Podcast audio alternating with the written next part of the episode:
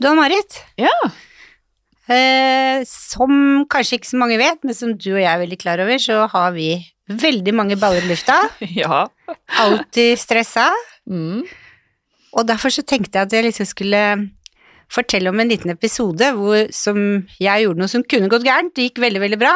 Samtidig for å tipse alle om å puste, for nå skal vi inn i 17. mai-rush og sommerrush. Mm. Pust med magen, og det man ikke rekker, det rekker man ikke. Mm. Og sånn er det bare. Sånn er det bare. Du skjønner det at eh, vi har hatt en hund som eh, var såpass gammel at den blei veldig dement. Og hunder kan faktisk også få alzheimer. Det er fascinerende at hun kan finne ut at en hund er dement, men ja. Men man merker det på oppførselen. Det blir som et dement menneske, for å si det sånn. Ok. Ja. Og det som skjedde da med vår kjære Simba, var at han fikk dementmedisiner. Og det skulle tas to ganger om dagen. Og jeg hadde en morgen hvor jeg var superstressa. Han hadde holdt meg våken hele natta, hvor han gråt og ville være våken og ville leke og skiller ikke mellom dag og natt i det hele tatt. Og så skulle jeg på jobb, jeg hadde kunder, og han var ikke helt i form, og så tenkte jeg nå må jeg kjappe meg, jeg rekker ikke frokost, jeg tar en sånn babysmoothie og la fram vitaminene mine, tok ut leverposteien hans så man får den dementtabletten inn, og så bare løp han, lukta liksom leverpostei, satte seg ned og venta på denne godbiten sin med tablett inni. Og så tar jeg smoothien min, vitaminene mine, og så går jeg bort til leverposteien, og så Hvor er dementtabletten? Ja, kan tenke deg. I det øyeblikket jeg så den ikke var i hånda, så visste jeg det. Jeg har tatt den sjæl. Ja. Og tenkte oi, hva gjør jeg da? Jo, ring en venn, da. Så jeg ringte datteren min og sa hør her, vet du hva jeg har gjort, eller? Oi, mamma, du er gæren, du må ringe legevakta. Tenk hvis du blir dårlig. Og da tenkte jeg oi, kanskje jeg blir det? Så jeg ringte legevakta, ingen svarte, og så nei, da må jeg ringe dyrlegen hans, og så ringte jeg dyrlegen og presenterte meg og navnet på hunden min og du, jeg har spørsmål angående dementtablettene til Simba, for du skjønner, en feildag så klarte jeg å ta den ene sjøl. Hva skjer da? Og hun sa, hva sa du? Holdt jo selvfølgelig på å le seg i hjel, og måtte høre med dyrlegen, og nei, det skulle visst ikke være farlig, måtte ringe giftsentralen, og så min morgen blei jo kaos, så det var ikke noe farlig. Han fikk sin tablett, jeg fikk en tablett jeg ikke trengte. Så tips og rådet framover nå er bare planlegg dagene nøye og ta liv med ro og pust. Det er bare gøy det som skjer. Ja. Bare go with the flow. Ja, du må roe deg, Renate. Ja, du òg, takk. Ja. Men livet smiler. ja, de gjør det. Ja. Virkelig. Og det er vår. Det er vår, Ja. det er 17. mai snart. Begynne Ja. å stryke bunadsskjorten og Ja. pusse søljer og Ja. foliestriper, foliestriper, foliestriper. Ja. Det blir mye av det framover. Herlig, deilig tid. Ja, jeg Elsker vet. det. Ja, ja.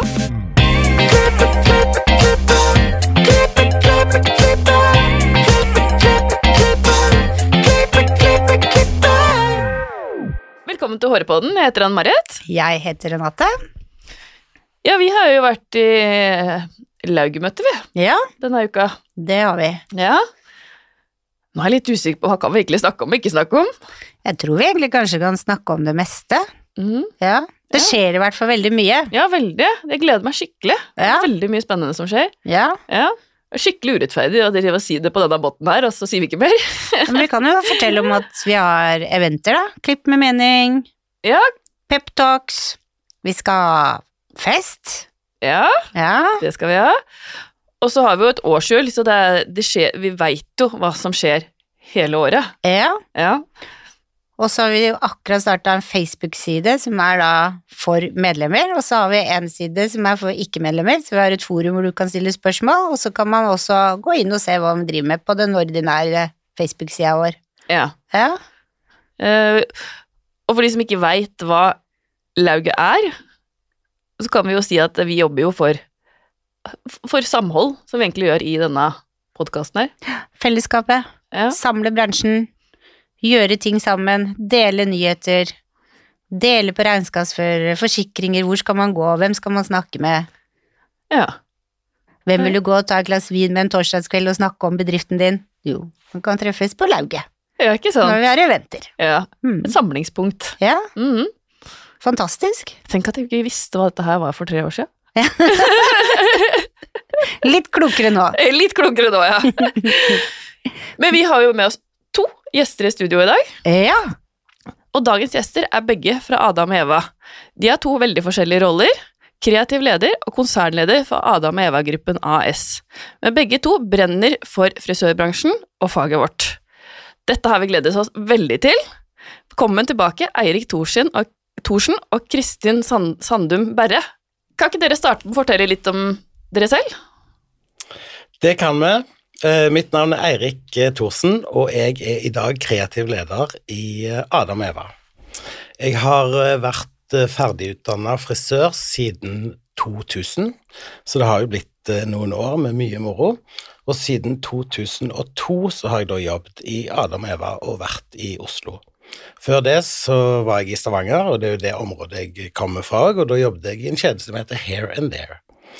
Så det har vært en veldig bra reise i frisør... Eh, i frisørverden, som jeg har hatt veldig mye moro, og mye takket være Kristin, som er her i dag. Ja.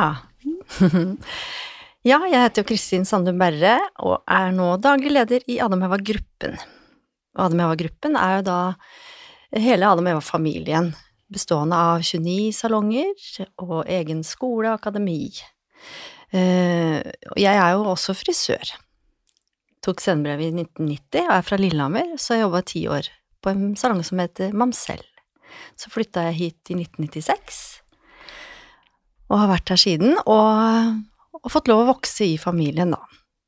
Begynte jo som frisør og hoppet inn i faglig leder, daglig leder, lærer, artist på akademiet, det var jo sånn jeg møtte deg eh, første gang, mhm. Kristin. Mm. Da var du akademiartist, og da Stemmer. var jeg så heldig å få reise på fagekspertkurs i Oslo, så det var jo stor stas. Og da sto Kristin på scenen og inspirerte. Mm. Det er rart å tenke på. Var... Tenkte du da, litt sånn inni deg sjøl, at dere kom til å Var det sånn god kjemi at dere bare ok, vi har litt lyst til å jobbe sammen? Altså, jeg har lyst til å si ja nå, men det, jeg tror ikke egentlig jeg trodde det da, eller tenkte det da. Jeg hadde jo store ambisjoner, og det ja. hadde jeg hele tida. Og jeg eh, hadde jo jobbet mye, eller assistert de frisørene fra Adam Eva som var i Stavanger og holdt kurs.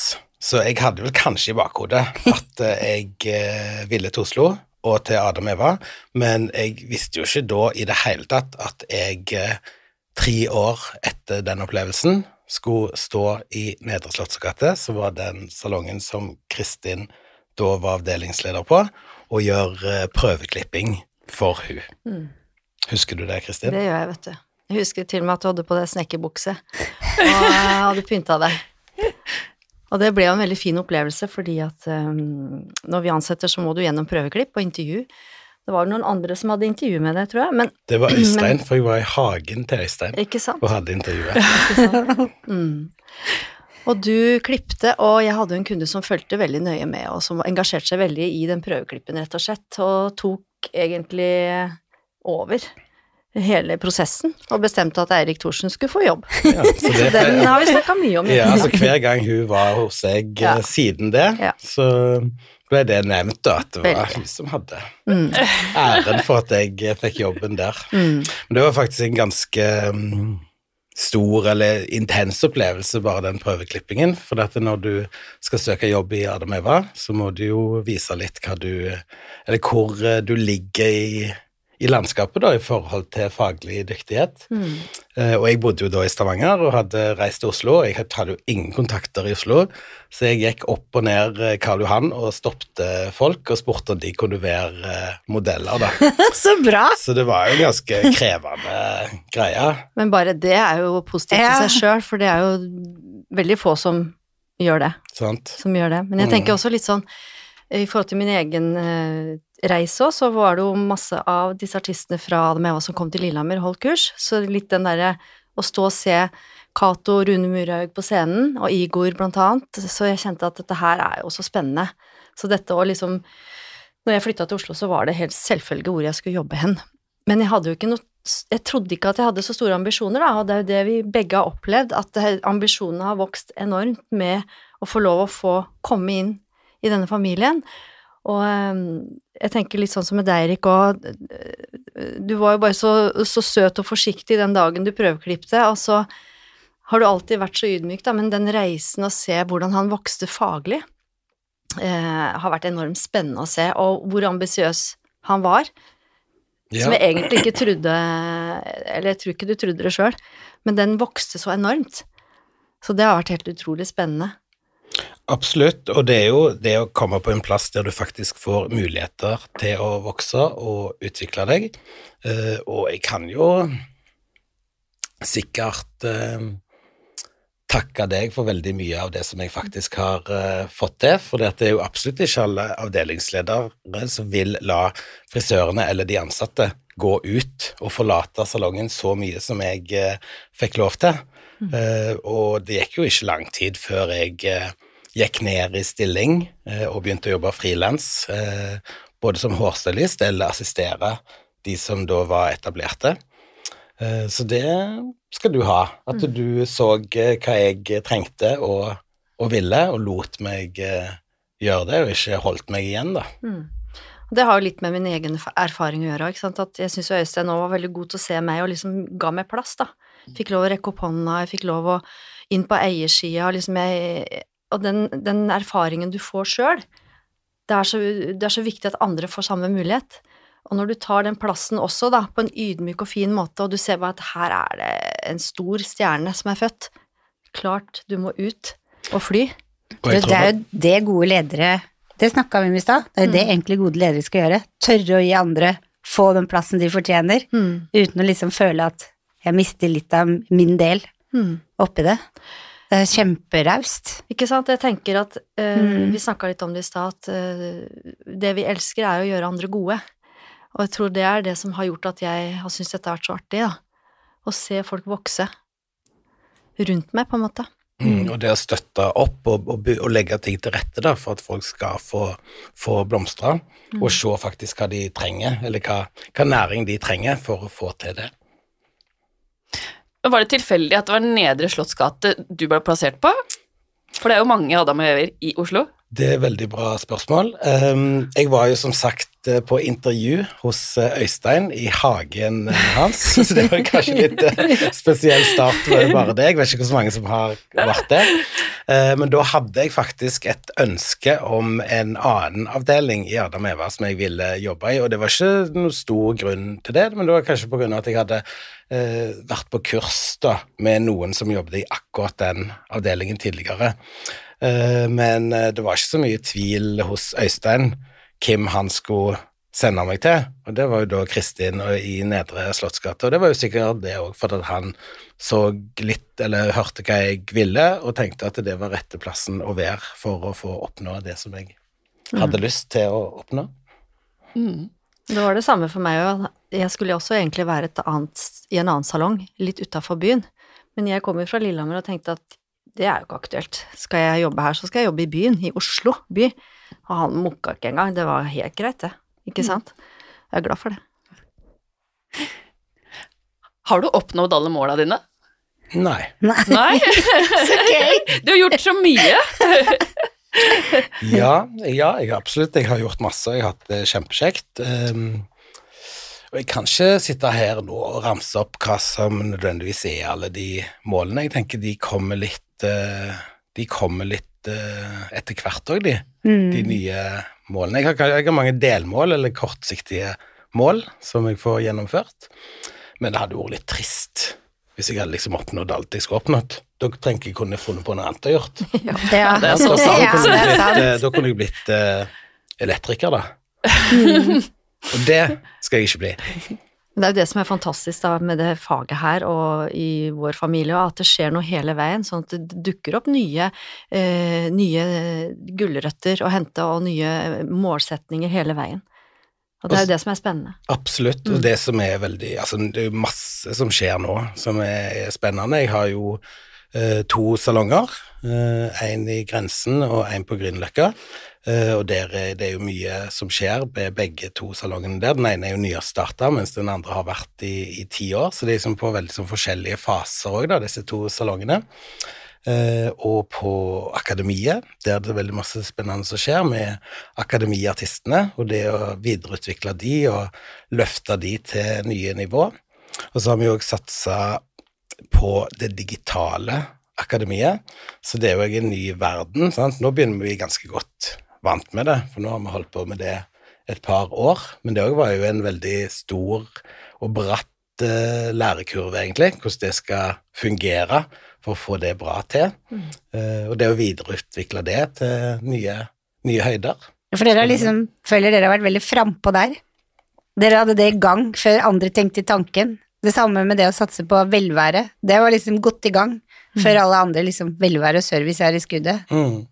Det var jo faktisk eh, Nå husker ikke jeg helt tidsramma, men det var jo kanskje et år eh, før eh, pandemien traff oss at eh, det- hovedkontoret ble eh, flytta. Mm. Eh, og da lagde vi faktisk et filmrom på hovedkontoret, som både kan bli brukt for eh, akademiet sin del, for å spille inn ting til det digitale akademiet, men òg til å bruke for å kommunisere ut til resten av bedriften. bedriften. At hvis eh, Kristin har en eh, message som hun skal gi ut, så går det an å bruke det for å filme ting. Så det var ja, veldig bra å ha det klart, da.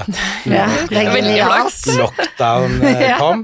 Ja. Mm. Og du var jo veldig sentral, Eirik, i den prosessen i forhold til det faglige innholdet på det digitale, og vi ler jo litt av det nå, hvordan vi knota litt i starten og skulle spille inn i den verste tiden i pandemien, hvor det ble filma i grensen blant annet, og ting ble litt sånn eh, Vi gjorde så godt vi kunne, men du var jo en utrolig primus motor for å få dette i gang og skape godt innhold som vi kunne dele med hele bransjen òg, ikke sant? Absolutt. Så um, Og det er jo en helt annen ting det å stå foran et kamera Mm. versus å stå på en scene. Eller å sitte foran en mikrofon, for den del, sånn som vi gjør, eh, gjør nå. Det er liksom en eh, En må jo lære seg eh, trikser som skal til for å få, få det bra til, da. For at du kommer gjennom skjermen.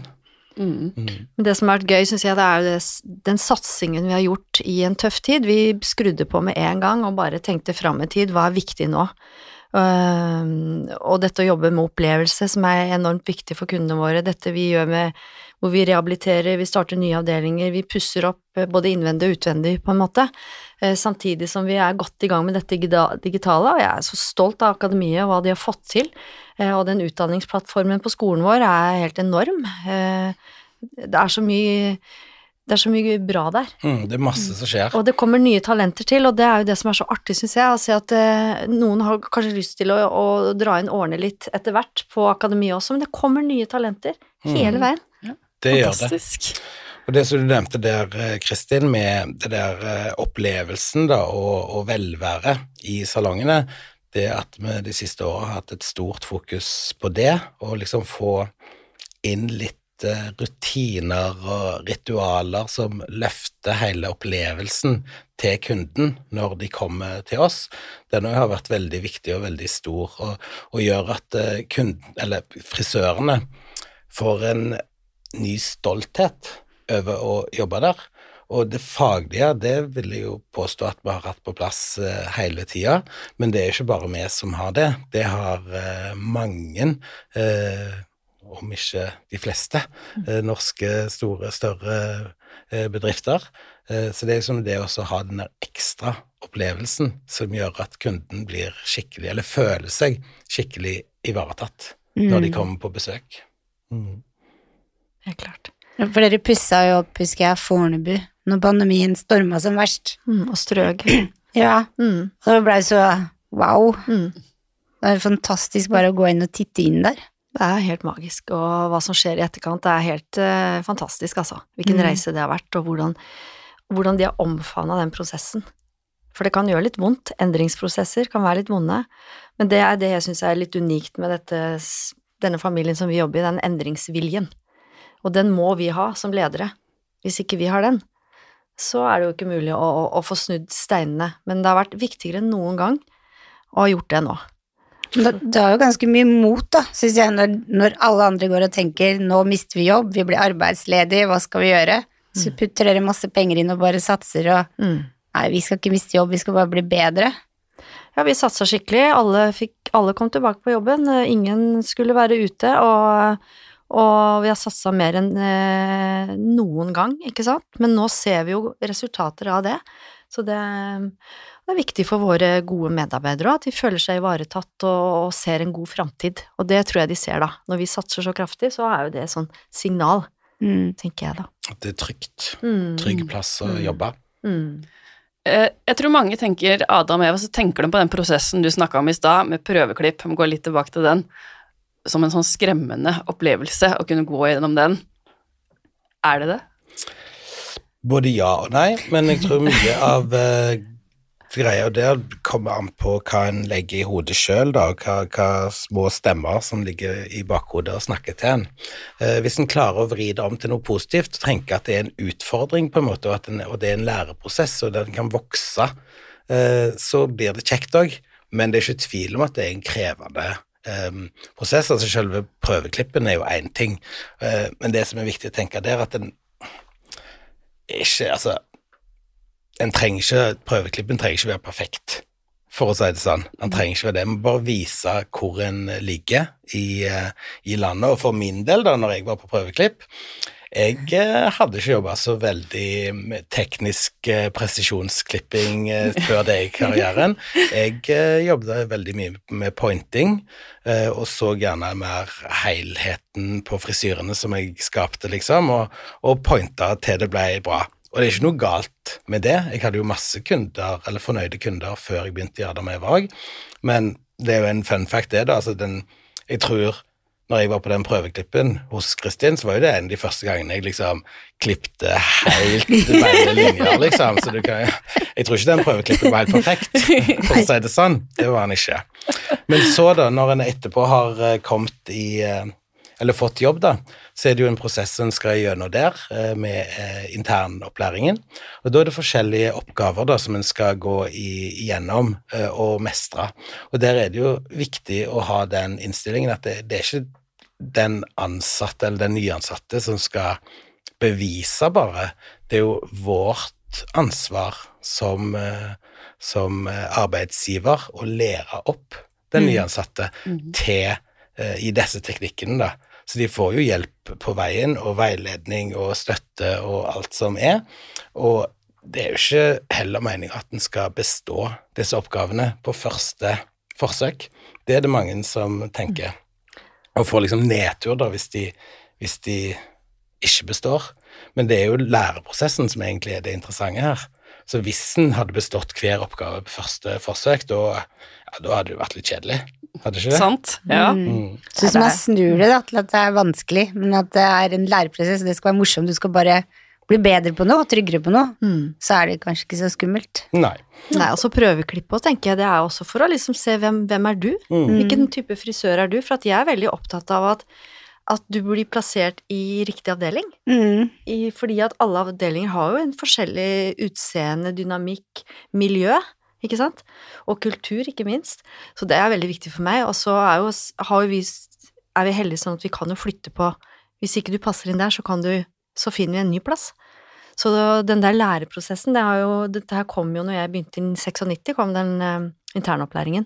Og, så det var veldig fremmed for meg å jobbe lenge, og du tenker at du, dette her kan du, men du må omfavne det og tenke at dette er jo for at du skal bli enda flinkere, tenker jeg. Og så er det viktig å skyte inn her òg at eh, når en er ferdig med internopplæringen, så er det ikke et eh, poeng at en skal stå og gjøre akkurat de klippene akkurat sånn som de ble gjort i internopplæringen.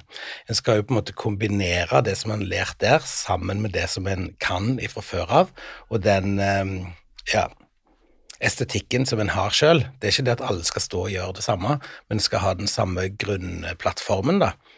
Og det gir jo òg en trygghet. Det er en kvalitetssikring. Mm, Og Og, det er jo en læringkurve ut av en annen verden, ser jeg for meg. absolutt. Ja. Ja. absolutt. Og vi har jo òg eh, forskjellige staff eh, trainings eller staff-treninger. Eh, sånn som nå i helga, for eksempel, så var jeg i Bergen, for der har vi jo fire salonger.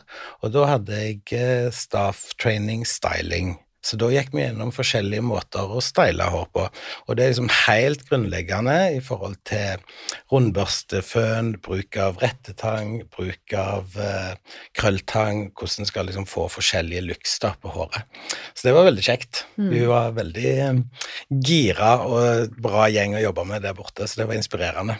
det er veldig inspirerende å holde de kursene òg. Mm. Og det er jo det som er så gøy nå, da, er jo at de fysiske kursene våre Vi har masse interne kurs, fantastisk både digitalt og tilstedeværende. Hvor poppis de kursene er. Altså, det er fullt, fullt, fullt, og vi lager litt eksklusive kurs med litt færre deltakere, hvor du får mye tettere oppfølging. Det er helt magisk hva som skjer. Det er en Wow. liten uh, fun fact helt- der, altså. Vi har helt- liksom lagt mange Eller akademiartistene har fått i oppgave å utvikle sine egne kurs. Og hele tanken med disse kursene var jo faktisk det å selge de ut til andre frisører òg, ikke bare internt. Men foreløpig så har de jo blitt helt fulgt opp med interne. Så så det er ingen eksterne som har fått lov til å komme på de. Mm. Og man måtte sette opp ekstrakurs for å få plass til flere interne. Mm. Så kanskje vi må sette opp enda flere, faktisk, så at vi får noen eh, eksterne med på de òg, da. For de er Ja, det syns jeg. De har veldig lyst til å dele det med bransjen. Det Mm. er veldig, veldig viktig. Så eh, Jeg tror jeg bransjen er veldig åpen for òg. Ja, Få lov til å komme på kurs. det er utrolig artig, og jeg syns jo det er fantastisk å se at når de får lov å være med å skape sine egne kurs, og så er de jo blitt så flinke til å, å dele og, og instruere og, og veilede, da. Og det som jeg, jeg syns er spennende sånn å være frisør i seg sjøl, da. Dette her og med å, å gjøre seg unik, dette å skape en signatur. Jeg har bare lyst til å trekke fram Eirik som et veldig godt eksempel på hvordan han har løst den oppgaven, for det tror jeg veldig mange lurer litt på. Hvordan, hvordan skal jeg tørre å bli den derre liksom tørre å dra på? Mm. det, det kan være litt tøft, men det Eirik har gjort, som jeg har sett gjennom mange år, da, eh, er jo at han har bare tatt, dratt på litt for hver gang denne kunden kommer, så er det litt frekkere for hver gang. Litt kortere lugg, litt strammere linjer, og til slutt så er det eh, ganske Frekt. tydelig. Ganske frekt. Ganske frekt, og bare sånn ok, jeg ser hvem som har klippet den klippen, og det syns jeg er så morsomt, da. Og, og leke litt med det at jeg har så lyst til at noen skal se at det er jeg som har gjort det. Skjønner du? Din og, og den måten han har håndtert det på, superbra. Kan være en, en voksen dame, og du vet jo eh, Du har jo mange, hatt mange av de, og det blir bare kulere og kulere når de går ut av døra, ikke Mm. sant? Men de merker jo ikke at det, at det er blitt en så stor endring, fordi det har gått gradvis. Vært flink til å formidle, Mm. men samtidig så turt å gjøre det, da. Det syns jeg har vært så morsomt å se. Mm. Så den signaturen du har skapt deg gjennom alle de årene, magisk. Takk. Mm. Hvor mange er det på teamet ditt? På teamet mitt, altså hvilket team vi snakker om Jeg har så mange team, vet du. Det kreative. Det kreative, ja. Eh, altså På akademiet vårt så har vi Vet du hva, jeg er ikke helt sikker akkurat nå, jeg. Nei. Skal vi si eh, tolv? 10-12? Mm. Ja, men vi har jo forskjellige, jeg har jo forskjellige team. det er det som er tingen. Jeg har jo team med frisørene som jobber på salongene mine. Jeg har teamet mitt eh, med akademiartistene. Vi har et talentteam. eh, Og jeg har teamet som er hele Adam Eva-familien. Mm. Ja. Så det er mange team rundt eh, meg og oss, for å si det sånn. Mm, er. Hva skal til for å komme på ditt team? Og nå tenker jeg det kreative teamet igjen. Ja. Ja. Da eh, må en ha et eh, brennende ønske om det, og en må òg ha faglig, eh, den faglige dyktigheten på, på plass. Og så når eh, vi skal ta inn nye akademiartister, som vi kaller de som er på akademiet vårt, eh, så er det en audition der de må da levere eller presentere en eh, modell på scenen. Eh, og da er det da en jury som ser på, og så får de tilbakemelding, og så får de vite om de har kommet inn eller ikke. Så gøy. Yes, Da må du virkelig prestere. Ja. absolutt. Og det er et eh, Det er et nåløye der, for å si det sånn. Det er ikke mm, det er Noen må på audition flere ganger eh, før de kommer inn, og det er jo en læreprosess, eh, det òg. Sant? Eh, og vi oppfordrer alltid, hvis det er noen som ikke kommer inn, å ha fokus på dette her og komme tilbake neste, neste gang. Mm. Eh, og det er jo Altså, det er jo ikke gitt at alle har en scenepersonlighet, sant? Det å stå foran et uh, publikum uh, er jo en helt annen ting enn det å være en flink frisør. Så det er jo en lærekurve her òg som kan være ganske intens og, og, og bratt. Det er derfor vi har dette talentteamet, da. At du kan Mm. få lov å være en del av det teamet og være med ut rundt og kjenne litt på hvilken arena har jeg lyst til å stå på. Mm. Og da kan man også velge å kjenne at nei, jeg har lyst til å være frisør i salong. Ja. Ja, hurra. Eller Eller Ja. om vi vil jobbe mer som hårstylist i motebransjen, for eksempel, for det er jo en helt annen ting igjen enn det å være på akademiet som en kursholder. Mm. Uh, og så en annen ting som er veldig bra startpunkt hvis en har ambisjoner om å ville være en, eh, en educator eller være på akademiet, er jo det å være lærer på skolen eh, Mm. for de nye talentene i bransjen. Og jeg kan jo si for min egen del, jeg begynte jo som lærer på skolen nesten med en gang etter jeg hadde, hadde begynt i Adam Eva, og jeg eh, lærte alt der som lærer, faktisk. Eh, for at en må være Jeg må liksom kunne forklare så nøye hva en gjør, altså projeksjon, distribusjon, alt. En må liksom kunne det og terpe på det når en skal liksom forklare dette her til elever. Så det var min, det var min eh, lære. Det ser vi jo, hvor Mm. fantastisk utvikling det er på de som er på, på skolen først. Og vi har, jo, vi har jo utrolig mange utviklingsmulige karrieremuligheter i, i Ademeva, men vi, det, vi setter jo det nå i et system, sånn at vi lager et program, et utdanningsprogram, som starter til høsten, hvor vi har lyst til å fange opp alle de som har en, en stjerne i magen, eh, og da har vi tre linjer, og hvor den ene linja blir en, en kreativ linje, som du står ansvarlig for, og i forhold til å kunne jobbe som artist, jobbe ute med hårstyling, som er i den kreative verden. Og så har vi også en linje som blir en faglinje, hvis du har lyst til å inn som lærer, at vi bygger kompetansen i forkant av at du får den plassen, eller en faglig leder. Sånn at vi skolerer de nå i forkant til at det blir en ledig stilling. Og så den siste linja som jeg er eh, veldig aktiv i, er jo den eh, type avdelingsleder, partnerlinjen, ikke sant, hvor du kan jobbe mye mer med drift og, og lære litt mer om hele driftsapparatet og, og ansvaret som en avdelingsleder. Ikke sant, for vi, plutselig så har vi noen som skal ut i mammaperm, eksempel, og så er det sånn, hvor er vikaren? Ikke sant? Ja. Jo, den har vi her, for den har vi allerede lært opp, så dette går over ca. åtte eller ni måneder, det programmet. Oi. Så dette er veldig spennende er for oss. Vi har, jo, vi har jo hatt det der, men nå standardiserer vi og systematiserer det, og setter det liksom Så det er mange som har meldt seg på uten at vi har snakket er Jeg har snakka om det, det er mye. eh, til alle. For jeg har jo vært rundt i alle avdelinger på personalmøter nå i høst og vinter, så da har jeg snakka om dette, selvfølgelig. Og jeg merker at folk Ja, men jeg vil gjerne bli avdelingsleder ja. en eller annen gang. Så dette Er er, i forkant på alt, dere? Ja, Ja, Nei, så sånn, gøy å høre. det er morsomt, da.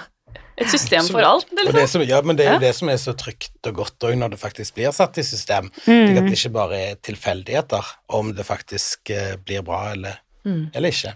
Når du snakker om system, jeg bare husker jeg, Stark Maya sa en ting som bare satte seg fast i hodet mitt, og det var det med hvis du har en klipp i hodet, eller en farge i hodet, eller noe du liksom kanskje står der med dokke eller modell, og så får du det ikke, du får det ikke til. Så kunne du gå til Erik og så forklare ideen din, og så ble den satt i system, så du kunne gå sånn A, B, C, D, E, F, G, og så hadde du resultatet. Så tenkte jeg, fy fader, wow, det er jeg misunnelig på. Mm. For alle har jo hatt den følelsen hvor du klipper en klipp, så er det overhodet ikke blitt sånn som du har sett for deg. Ja, og jeg tror ikke det er bare jeg som er den som kan hjelpe der. Det har vi, altså vi har sterke folk i hele systemet Ja. og i salongene som kan eh, være med på det. Det som jeg har eh, gjort, er at jeg har hatt litt sånn prosjekter for uh, akademiartistene, Mm. der de har liksom fått eh, Der vi har liksom hatt liksom oppgaver som har gått over lengre tid. Eh, For eksempel ett prosjekt, det var det at de skulle eh, finne sin favorittfilm først, eh, og lage moodboard i forhold til den. Eh, Og det, som er greit, de vet jo ikke hvor sluttresultatet skal ende opp her, så de er på en måte på en reise da hele veien. Og så neste step var at de skulle lage et eh, moodboard som var liksom inspirert av de frisyrene i denne filmen, da, som var deres eh, favorittfilm. Og så et eh, moodboard med fargenyansene som gikk igjen i filmen. Og så ble neste da å lage liksom en klipp og en fargedesign ut av dette her. Og det har vi da endt opp med at vi har lagt eh, content til det digitale akademiet, der de da har gjort eh, klipp og fargedesign som har blitt filma og ligger ute til glede og inspirasjon både for våre egne og eksterne frisører. Den fine, kreative reisen, da. Mm. Fy søren. Ja. Det har vært veldig gøy å sitte på. Jeg, jeg ser jo dette her eh, i disse Teams-gruppene, hva som skjer, men eh, å se resultatet da i etterkant, Mm. og hvordan de har utvikla seg i den, på den reisen. Det som er veldig interessant å se der, hvordan forskjellig skrudd sammen folk er. For noen syns jo det er deilig sant? å bare være på den reisen og ikke egentlig vite For dette, når de starta på dette prosjektet, så visste de jo ikke om dette skulle egentlig ende opp i en styling, for eksempel, eller en klipp, eller en farge. Eh, Og noen syns jo det er kjempedigg å bare være i nuet og liksom ta hvert step Være i sånn flyttsonen. Ja. Mens andre de kan bli helt stressa at de ikke vet hva som er sluttresultatet. At de heller vil egentlig starte med sluttresultatet, og så gå motsatt vei i prosessen. Og det òg er jo en mulighet. Det er jo ikke noe galt med det heller. Og hvis en har en Det har jo jeg òg gjort mange ganger. Hvis jeg har en klipp som jeg har lyst til å gjøre, men så skal jeg f.eks. ha en presentasjon i etterkant av det, at jeg har egentlig juksa litt da nesten, og egentlig bare fått den klippen til å passe inn i en eller annen tema. Men det er, det er så mange muligheter. Det er så mange måter å være kreativ, og den reisen er spennende. Så det er jo en utfordring da, til de. Så Gøy. Ja, det høres ut som en veldig spennende reise. Ja. Vi har noen faste spørsmål, og så tenkte jeg kanskje at eh, Eirik, du kunne ta dem, siden det er ikke så lenge siden vi hørte dem fra deg. Det er supert. Har du noen tips til frisører som vil opp og fram? Uh, først og fremst uh, ha tro på deg sjøl, uh, og ikke være redd for å følge drømmene. Eh, omgi deg med folk som kanskje er der som du eh, eh, vil komme, for da kan du få hjelp og inspirasjon på, på veien. Um, og ha tålmodighet. Eh, ikke tenk at du skal komme til målet med en gang. En må gå trappetrinna. Det er kanskje det største utfordringen til mange nå til dags, at de vil eh, komme til målet veldig fort. Og da er fallhøyden så mye større, og det er så mye vanskeligere å komme der, der enn hvis en faktisk tar og bygger step by step og sørger for at en har eh, beina godt eh, planter på jorda i prosessen. Bra tips. Hva inspirerer deg? Eh, jeg blir eh, inspirert av veldig mye forskjellig, egentlig. Jeg bruker jo veldig mye sosiale medier, sånn som Instagram, Pinterest, de tingene. Der er jeg egentlig hele tida. Det vet jo du. Kristin. Eh, og jeg har jo, altså jeg, jeg har jo mye prosjekter hele tida. Og sånn som jeg på en måte klarer å være on a roll der, at jeg har veldig mange mapper både på Pinterest og Instagram og på Mac-en og sånn, med masse inspirasjon. Så jeg kan, hvis jeg får en, et oppdrag, da, så kan jeg egentlig på fem minutter sette sammen en look eller et konsept ut ifra de forskjellige mappene mine. Så kult. Uh, Ja. Men det, er- men det er veldig individuelt da, hvordan den, hvordan den prosessen er for hver enkelt person. Jeg er ganske strukturert i kreativiteten min, på en måte, mens andre kan jo være litt mer sånn at de tar det veldig på følelse der og da, men jeg er ganske strukturert. Men jeg er, ikke, jeg er ikke bonde til den strukturen heller, for jeg lar jo i prosessen, eller mot slutten av et prosjekt, så lar jeg jo det som skjer, eller skjer, skje, da. Men jeg har allikevel ganske sånn kontroll på prosessen min. Mm. Og det, det kan da være litt vanskelig. Det var et eksempel eh, nå nettopp, der vi hadde Eller vi vant jo årets kreative team. Gratulerer. gratulerer. Ja, stas. Takk, takk. Og der hadde jeg jo moodboards og sånne ting, og var veldig strukturert og alt sånt, på min måte. Eh, men jeg hadde jo vist dette bildene, eller dette moodboardet mitt og planen min til, til andre. Og for meg så var jo ikke jeg nødvendigvis låst til akkurat det som jeg hadde, akkurat den fargen. Det var bare liksom det området.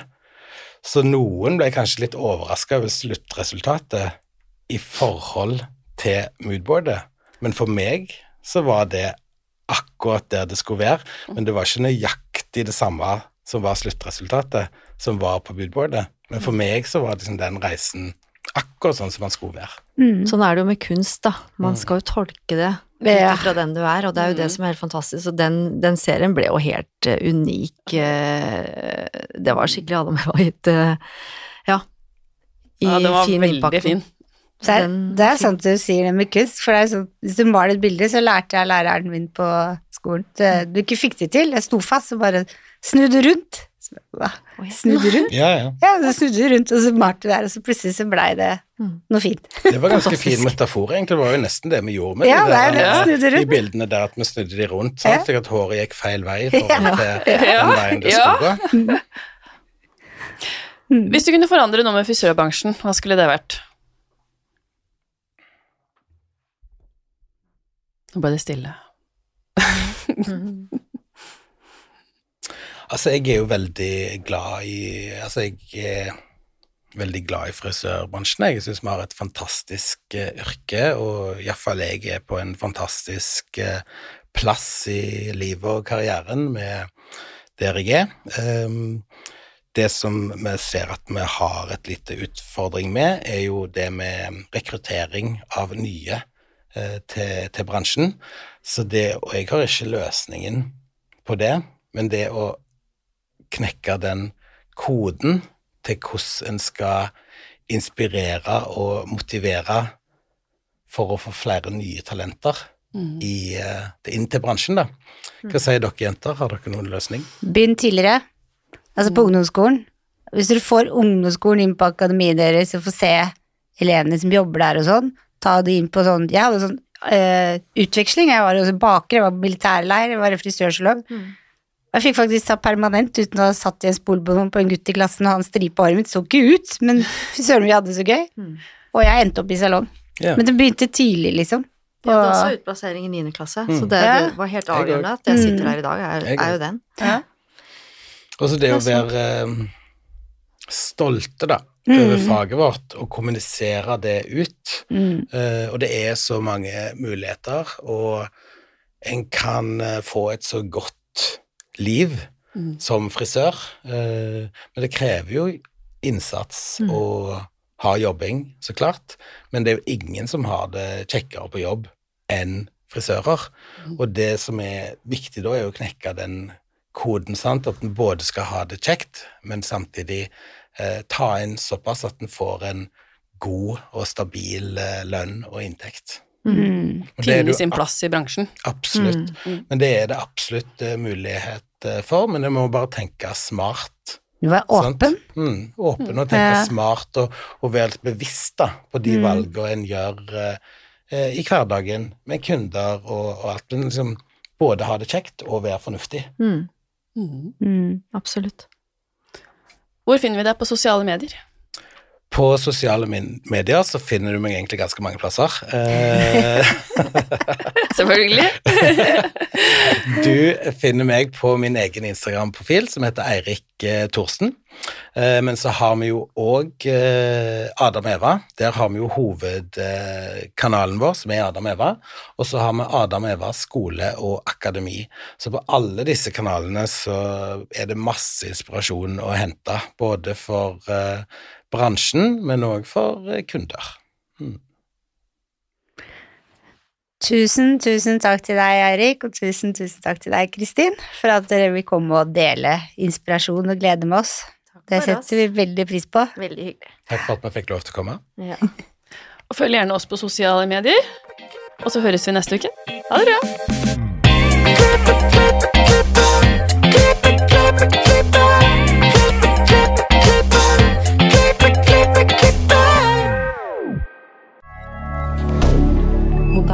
Media. Har du et enkeltpersonforetak eller en liten bedrift? Da er du sikkert lei av å høre meg snakke om hvor enkelt det er med kvitteringer og bilag i fiken, så vi eh, gir oss her, vi. Fordi vi liker enkelt. Fiken superenkelt regnskap.